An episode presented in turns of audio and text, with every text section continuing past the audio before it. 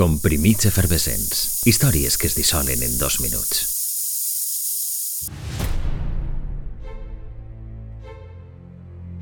Fou víctima del segrest més llarg a Espanya per raons alienes al terrorisme. Esgotada, prima, desorientada i mal vestida, entra a una gasolinera i demana 25 pessetes a l'encarregat per poder comprar un refresc.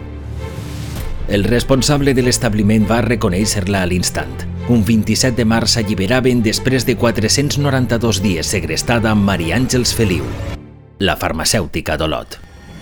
La dona fou traslladada d'immediat a un hospital de Barcelona i els metges determinaren que, sobretot, necessitava repòs.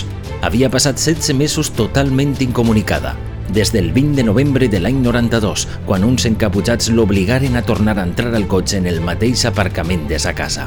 Passaria els següents 500 dies en un zulo sense llum, menjant malament i sense penes possibilitat de canviar-se de roba. Durant tot aquell temps, la família intentà en cinc ocasions, però sense èxit, pagar el rescat i alliberar Maria Àngels.